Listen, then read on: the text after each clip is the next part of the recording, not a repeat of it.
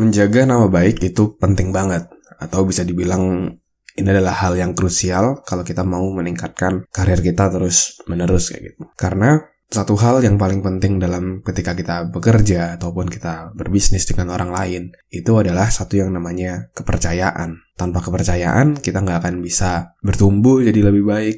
Kita nggak akan bisa mendapatkan kesempatan-kesempatan selanjutnya kalau kita nggak punya satu yang namanya kepercayaan atau trust. Maka dari itu, ini adalah hal yang sangat penting banget, yang krusial banget untuk terus kita jaga untuk kelangsungan karir kita, untuk pertumbuhan karir kita.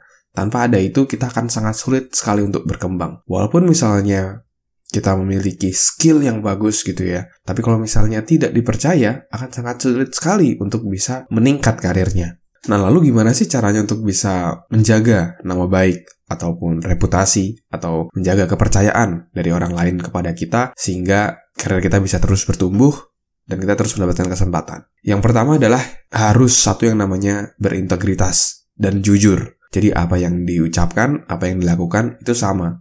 Karena kalau kita tidak jujur, itu akan merusak kepercayaan. Walaupun dalam hal kecil ya, tidak jujurnya, tapi itu akan merusak kepercayaan besarnya. Dan kita akan sangat sulit sekali untuk mendapatkan kesempatan-kesempatan selanjutnya. Bayangin misalnya teman-teman dikasih uang, contoh misalnya ada si A dikasih uang 500 ribu, disuruh beli barang 250 ribu, kembalinya 250 ribu, hanya dikembalikan 240 ribu.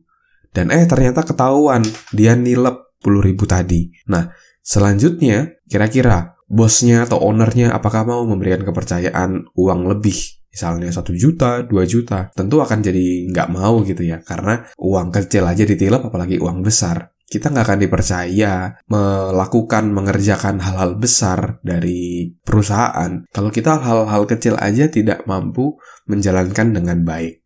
Maka dari itu kita harus bersikap jujur, berintegritas untuk bisa melaksanakan tugas yang ada sehingga kita akan dipercaya terus untuk tugas-tugas selanjutnya yang lebih tinggi, yang lebih challenging dan membuat karir kita akan terus bertumbuh. Nah, lalu langkah kedua yang saya pribadi juga lakukan adalah satu yang namanya memberikan lebih dari yang diharapkan. Dulu saya ketika sambil kuliah, saya juga sambil menjadi salah satu HR ya, membantu HR menjadi HR manager lah, bisa dibilang HR manager untuk sebuah perusahaan. Dan di awal saya hanya di hire untuk menjadi seorang trainer, untuk memberikan training kepada karyawannya. Namun, saya memberikan lebih. Selain menjadi seorang trainer, saya juga menjadi HR consultant di sana. Saya bertindak sebagai HR consultant, mengukur bagaimana pengelolaan HR-nya. Tidak hanya di situ, saya juga bantu dari segi marketing, gimana menyusun kata-kata, gimana membuat promo. Saya pun juga membantu di finance-nya. Gimana sih kondisi keuangannya, apakah sehat atau enggak. Saya juga akhirnya, mau nggak mau saya juga belajar finance, saya menerapkan prinsip-prinsip finance, pengelolaan keuangan di perusahaan tadi. Jadi ibaratnya perusahaan itu hire saya untuk menjadi seorang trainer, namun di perjalanan saya memberikan lebih dari yang diharapkan dari menjadi HR consultant, terus menjadi finance, bantu marketing, dan lain-lainnya.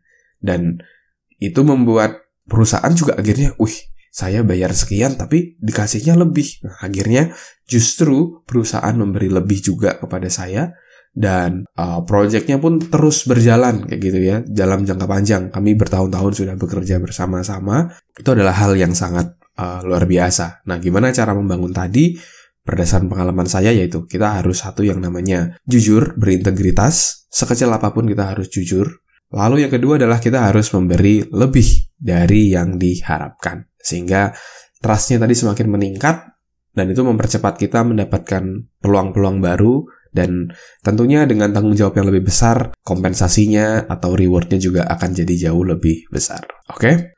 Thank you teman-teman sudah mendengarkan podcast kali ini. Semoga bisa bermanfaat dan menginspirasi untuk karir teman-teman terus meningkat terutama di nanti ya di tahun 2021 gitu ya, terlagi tahun 2021. Semoga karirnya akan terus bertumbuh dan menjadi tambah jauh lebih sukses gitu ya. Dan buat teman-teman yang mau belajar tentang bagaimana sih meningkatkan produktivitas teman-teman, teman-teman bisa silahkan DM saya di Instagram di @andreasburdes. Saya akan berikan satu yang namanya special offer di akhir tahun ini untuk mendapatkan online course saya Meaningful Productivity. Bagaimana step by step teman-teman bisa menghasilkan lebih banyak dengan waktu yang sama atau waktu yang lebih minim. Nah, caranya gimana? Teman-teman bisa belajar di online course tersebut. Detailnya teman-teman bisa silakan DM di @andreasverdes, bisa tanya tentang course Meaningful Productivity karena ada promo di akhir tahun ini dan harganya kurang lebih seperti teman-teman minum kopi gitu ya. Jadi sangat-sangat spesial sekali. DM sekarang juga teman-teman.